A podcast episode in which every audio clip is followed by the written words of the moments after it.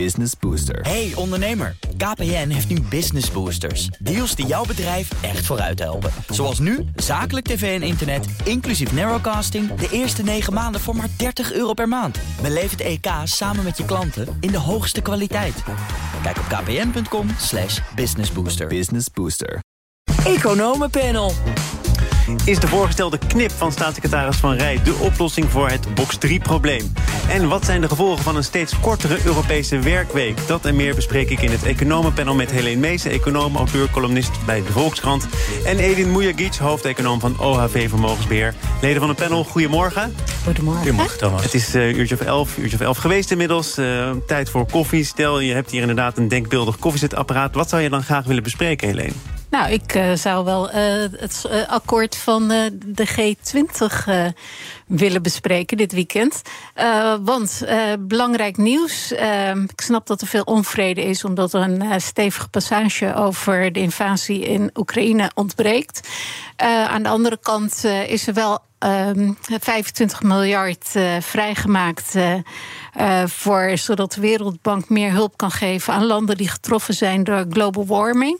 En het begint inderdaad, deze zomer was er al een voorbeeld van gruwelijke vormen aan te nemen. Ook op geopolitiek vlak is dat een belangrijke overwinning, want dit is toch ja, dit bedrag zou uitgebreid kunnen worden naar 100 miljard. En dat is toch een handreiking naar de Global South, die het Westen heel hard nodig heeft. We gaan die G20 nader ontleden zometeen na half twaalf. Nu eerst naar jouw onderwerp, Edin. Wat mag het zijn? Medio november beginnen de CAO-loononderhandelingen bij onze uh, oosterburen. En traditiegetrouw is het uh, vakbond IG Metaal uh, met een looneis gekomen. 8,5% loonstijging erbij eisen. Maar, Thomas, er komt nu iets anders bij. Tegelijkertijd uh, moet het aantal werkuren per week terug naar 32. Dus vierdaagse werkweek, 8,5% uh, loon erbij. Ik vond het uh, uh, niet alleen opmerkelijk nieuws, maar ook iets wat volgens mij veel zegt over de tijd waarin we ingaan. Waar het even heel kort door de bocht afgelopen 30, 40 jaar misschien zo is geweest dat de vakbonden vooral streden om de loonstijgingen in de pas te houden met stijging van de prijzen merk je nu, ook door de macht die ze hebben, want de vergrijzing, waar we het later over gaan, gaan hebben, dat het, dat het nu een stap verder gaat. Het gaat alleen al compenseren van de leden van werknemers voor inflatiestijging is niet meer voldoende. Er moet een schepje bovenop komen. En dit vond ik een uh, heel mooi voorbeeld. Minder werken, wel 8,5% meer loon erbij. Nou, het is het perfecte bruggetje naar het eerste onderwerp van dit panel. Want uit onderzoek van ING blijkt dat de gemiddelde werkende in de eurozone op dit moment 2,2% minder uren maakt dan voor de coronacrisis. En daardoor zijn er nu zo'n 3,8 miljoen mensen aan het werk die in de oude situatie, lees voor 2020, niet nodig waren geweest.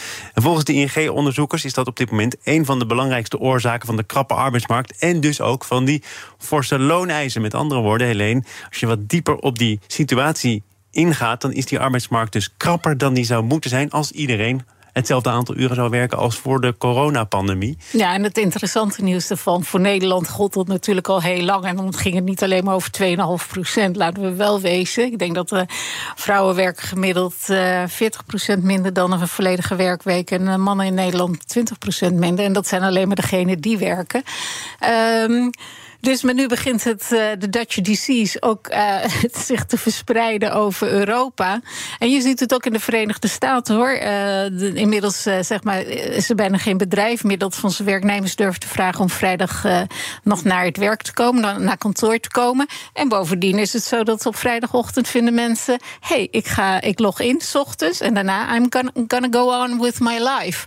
Dus er wordt op de vrijdag daar ook nauwelijks meer gewerkt.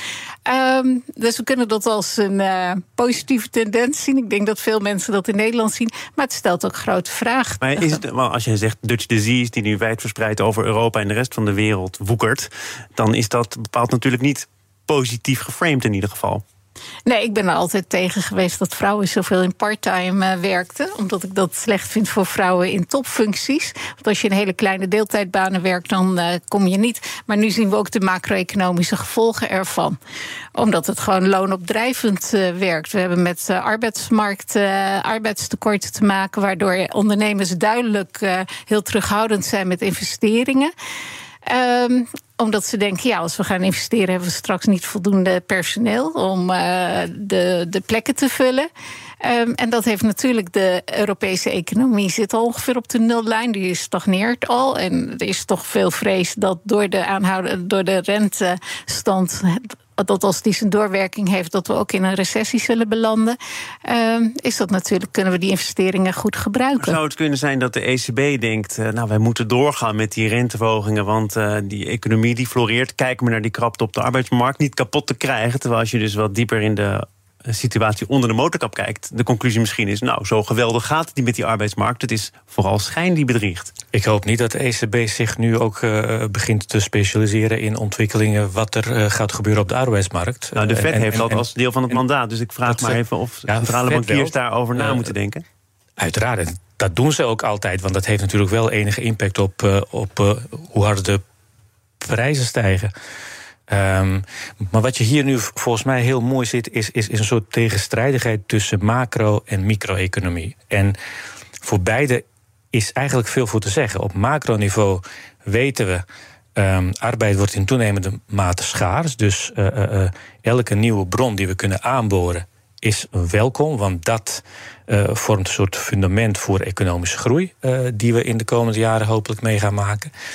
Maar als je kijkt op microniveau, is eigenlijk wel wat al die mensen doen die besloten hebben om minder te gaan werken of helemaal te stoppen met werken, uh, in ieder geval minder te gaan werken, dat is eigenlijk heel logisch. Want wij weten uit economische wetenschappen, als we welvarender worden, als we rijker worden, dan uh, kom je op een gegeven moment op een punt waarin je voldoende middelen hebt om alle eerste levensbehoeften als het ware aan te schaffen. En dan ga je wat meer geld uitgeven aan schaarse goederen. Dingen die je daarvoor niet kon kopen.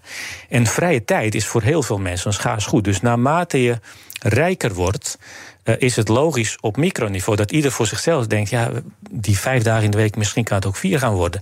Maar het levert wel een tegenstrijdigheid op tussen micro en macro. Nou, als ik het goed begrijp, dan hebben ze in Duitsland uh, pas ruimte voor meer vrije tijd. Lees dat schaarse goed, rijk genoeg zijn als ze wel 8,5% meer loon krijgen. Nou ja, uh, het is in ieder geval een eis die de vakbond neergelegd heeft. Uh, ik denk wel dat je, uh, dat je ervoor moet waken om niet te gaan verwachten dat je en minder uren in de week kunt gaan werken. En dat je toch behoorlijke loonstijging kunt krijgen. Loonstijging die fors boven de stijging van de productiviteit uitkomt. Wat, wat nooit een goede zaak is. En dat ook nog de economie harder gaat groeien. Die drie dingen gaan heel moeilijk samen, denk maar ik. Maar Edin had even geen, reactie, uh, geen rekening mee dat natuurlijk zeg maar, de reële lonen in de uh, eurozone heel sterk zijn gedaald sinds 2020. Omdat door de COVID-crisis uh, en de inflatie die daarop volgde. En, en dus niet alleen maar de inflatie, maar ook omdat bedrijven gewoon de winstmarges hebben verhoogd in die periode. Ze heel sterk op achteruit zijn gegaan.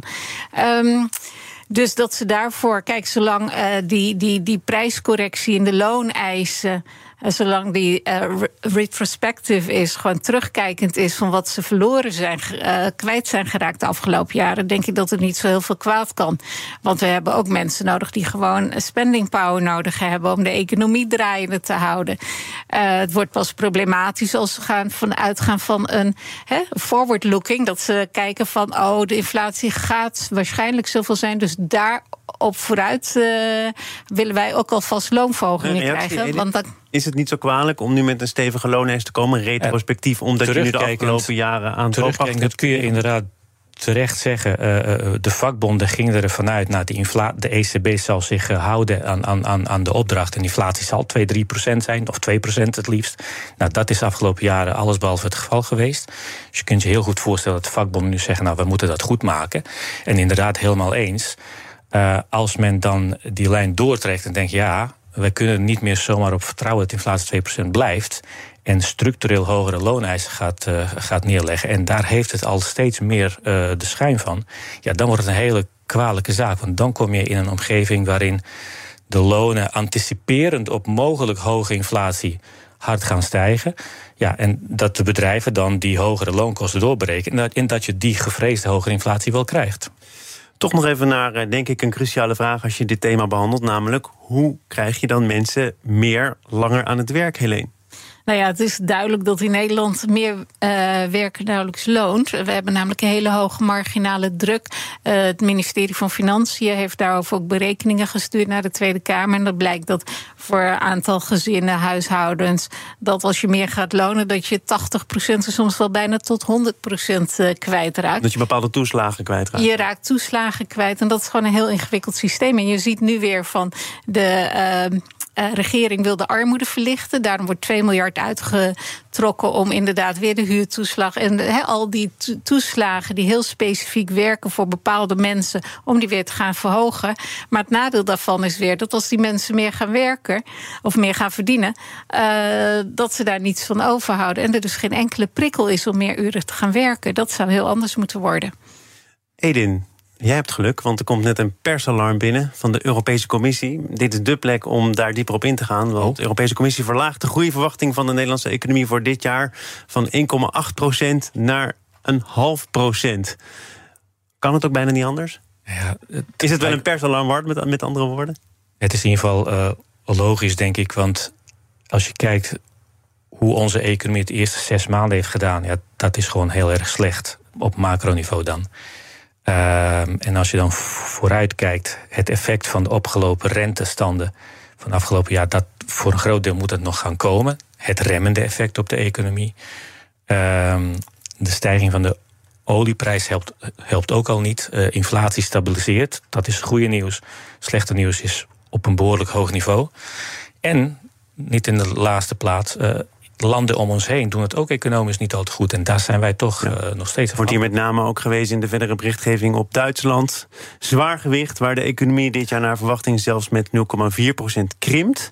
De hele eurozone zal volgens de commissie dit jaar niet 1,1 maar 0,8% groeien. Ook naar verwachting voor volgend jaar gaat uh, de gaat verwachting naar beneden met drie tiende procentpunt naar 1,3 procent.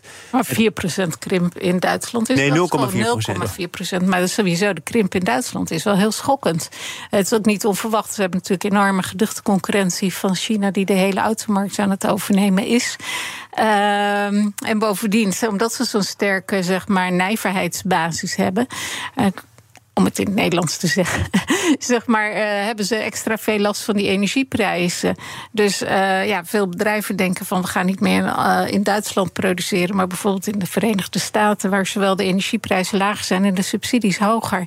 Dus dat is inderdaad heel problematisch. Als ik nu niet een harde knip maak zelf, dan komen we niet meer toe aan die knip van box 3 en die is wel meer dan vijf minuten waard. Dus daar gaan we aan beginnen. Zaken doen. Thomas van Zeil. Edin Moeijekic en Helene Mees zijn de leden van het economenpanel. Het zorgt al lange tijd voor heel wat hoofdbrekers in Den Haag. De hervorming van box 3, de belasting over vermogen. De missionair staatssecretaris Marnix Vrij denkt nu een mogelijke oplossing te hebben. De voorgestelde nieuwe spaartax moet bestaan uit een combinatie van vermogensaanwasbelasting en een vermogenswinstbelasting, oftewel de knip. Helene schudt al zachtjes van nee. Welke knip wordt er gemaakt? Kun je dat kort uitleggen? Oh, eens even kijken. Um, eens even kijken. Volgens mij gaan ze uh, rente. Nee, er komt een forfaitair uh, rendement dat vrij laag is. En vervolgens wordt op. Huizen, minder ah. liquide middelen een winstbelasting geven? Een winstbelasting vermogenswinstbelasting geheven. Nee, op, ja, op mensen die, waarvan goed de waarde te bepalen is. Maar het is een heel ingewikkeld voorstel. En ik, ik, ik, knik, ik, ik, schudde vooral mijn hoofd, omdat ik dacht. Uh, er zijn zulke goede voorstellen gedaan om uh, kapitaalinkomen dat Nederland als een van de weinige beschaafde landen nauwelijks uh, belast, om die te gaan. Om die te gaan belasten. En nu komen ze weer met zo'n gedrocht van een voorstel.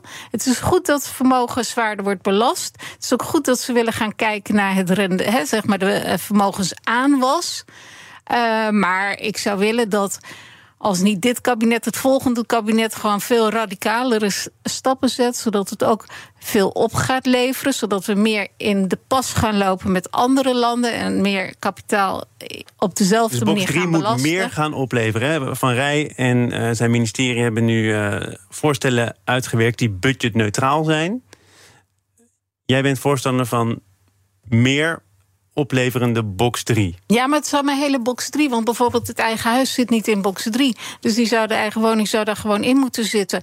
Uh, we moeten met pensioenen zouden ook naar box 3 kunnen gaan. En dan, als je daar naar kijkt en je past daar een tarief van 30% bijvoorbeeld op uniform. Maar dan ook alle uh, vermogens aan was. En alle, uh, bijvoorbeeld ook als je huurinkomsten hebt en je krijgt of renteinkomsten of dividend. Als je dat uh, op die manier belast, dan komt er zoveel geld vrij dat je ook eindelijk eens wat kunt gaan doen aan de hoge uh, belasting op arbeid, zodat die marginale tarieven omlaag gaan en mensen aantrekkelijker wordt om te gaan werken. Ik heb zo'n vermoeden dat jij hier toch wat anders over denkt, of niet? Nee, nou niet echt heel veel anders. Um, maar een van de woorden die regelmatig in deze discussie voorkomt is: het is complex. En ik ben de eerste die zal zeggen: natuurlijk is het heel complex. Alleen er zijn veel, veel meer complexe dossiers waar onze regeringen zich bezig hebben gehouden. En daar is toch een oplossing voor gekomen. En eh, ik blijf het maar herhalen. Ik, ik kan er toch uh, ergens niet bij dat we in dit land in staat zijn om parkeren per seconde wel af te rekenen. Terwijl we zo'n belasting niet. Dat zou dan complex zijn. ik bedoel, ik werk bij een bedrijf waar, waarvan ik weet wat de Belastingdienst weet over winsten op vermogen, et cetera. Ze weten alles. Alles wordt aangeleverd. Het is niet een gebrek aan informatie waardoor je dat, dat, uh, dat belastingstelsel niet kunt hervormen. Um, maar er was iets anders in die hele discussie. Er zijn ergens drie voorwaarden genoemd waaraan een, een nieuw voorstel moet gaan voldoen. En uh, het moet juridisch houdbaar zijn. Dat lijkt me handig. Lijkt me sinds de uitspraak van de Hoge Raad wel een eerste vereiste. Inderdaad. Het moet uh, uitvoerbaar zijn. Ook wel handig inderdaad als je iets, uh, uh, uh, iets wil doorvoeren. Maar de derde vond ik eigenlijk veelzeggend. Het moet de staatskas voldoende opleveren.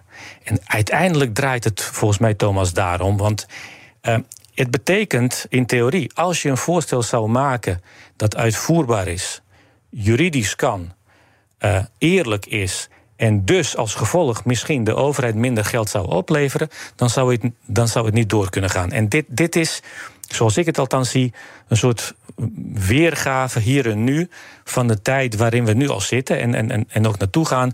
De overheid heeft steeds meer geld nodig voor allerlei plannen die er zijn, terecht of onterecht.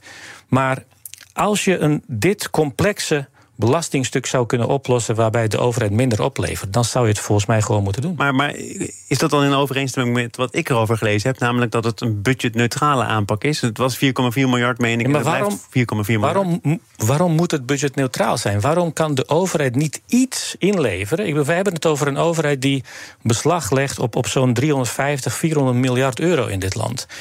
Uh, ik, ik ben er heilig van overtuigd dat er hier en daar wat af kan, zonder dat het meteen leidt tot gaten in de wegen en minder politieagenten en minder leraren uh, voor, voor, de klas. Uh, waarbij je dus het niet budgetneutraal doet, dit probleem oplost en heel belangrijk, belasting op arbeid verlaagt, zodat mensen de prikkel krijgen om meer te gaan werken zonder dat ze daarop achteruit gaan. Ja, jij reikt de hand uit naar Helene Mees, maar ik heb ja, maar dit is aan juist... jouw gezicht te zien toch het idee dat jij denkt... nou, het mag wel wat meer opleveren. Natuurlijk, het moet meer opleveren, want voor box 3...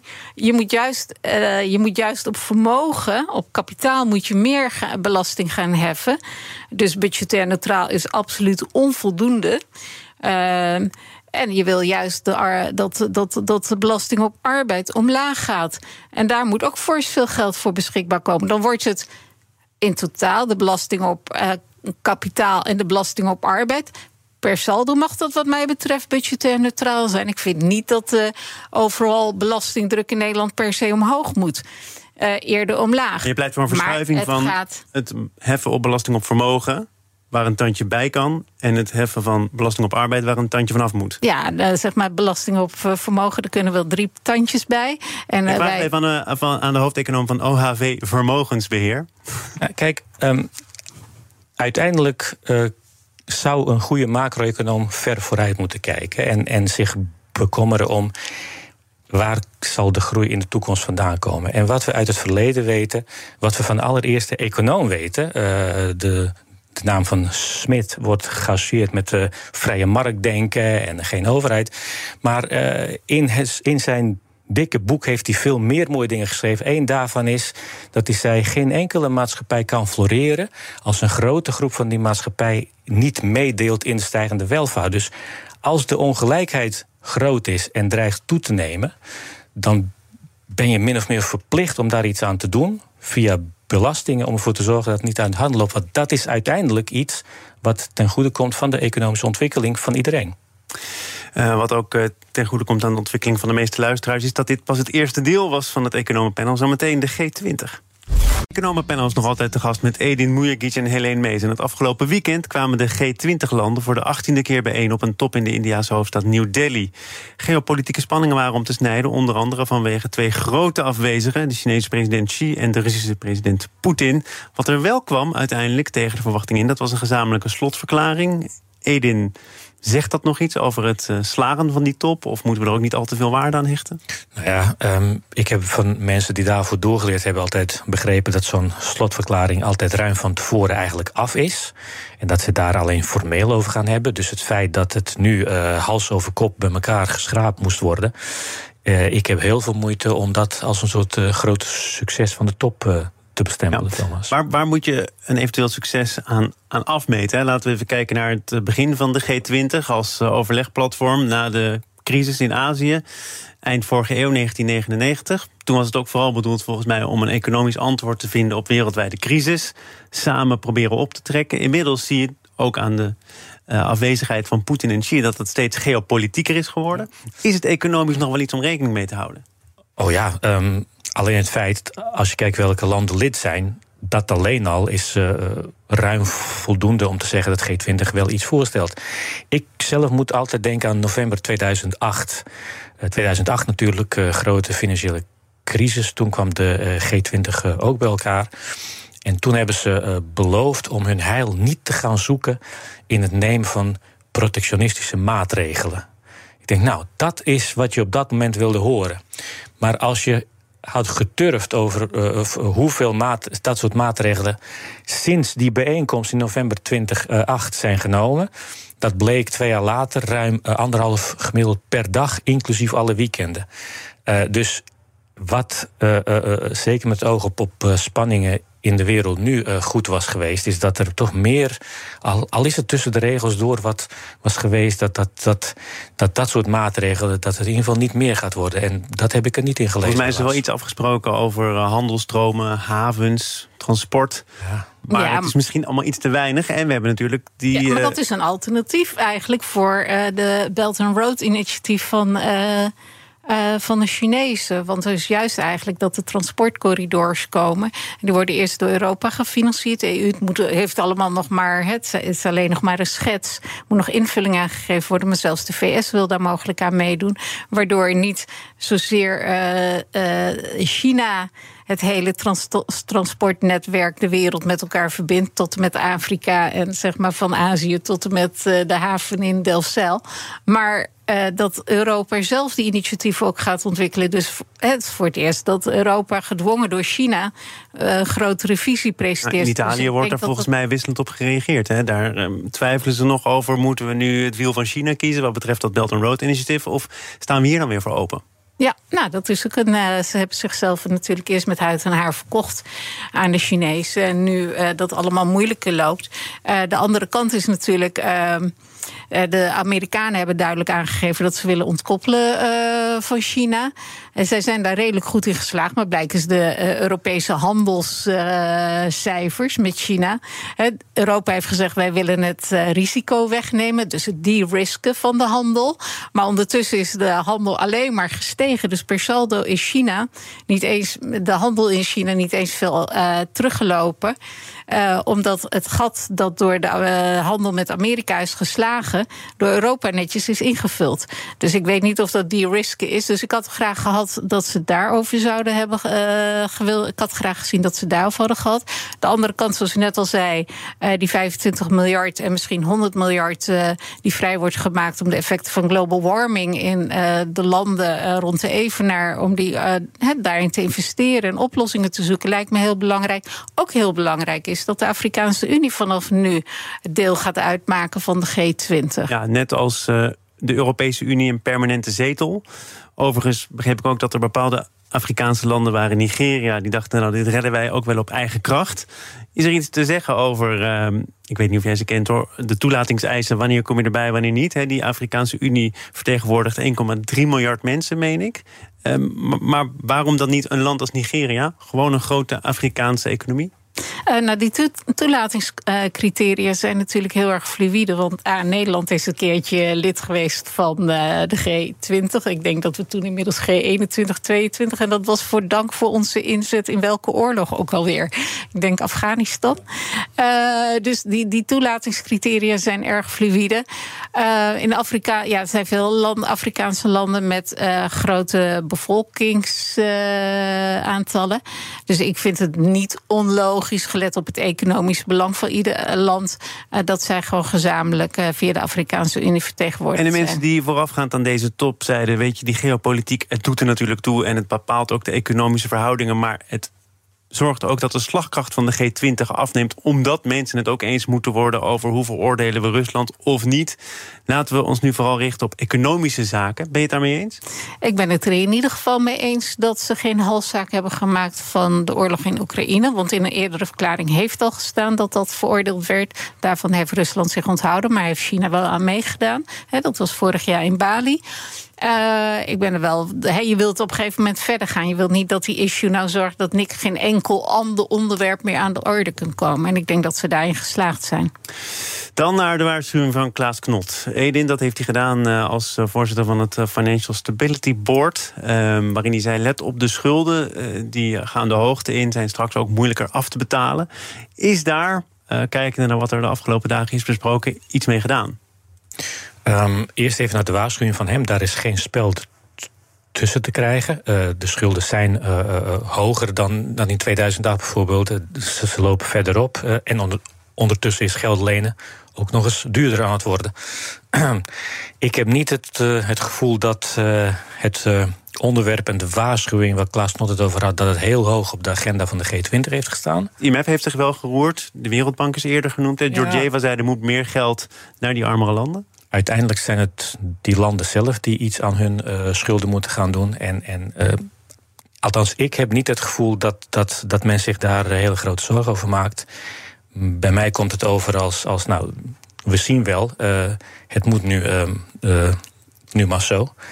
En dat lijkt me geen goede um, ontwikkeling voor de toekomst. Ehm, maar er is nog iets interessants aan, aan die G20, namelijk een, een component daarvan zijn de BRICS-landen die niet zo lang geleden ook bij elkaar zijn geweest met grote plannen om uh, de dominante rol van de dollar uh, onderuit te halen.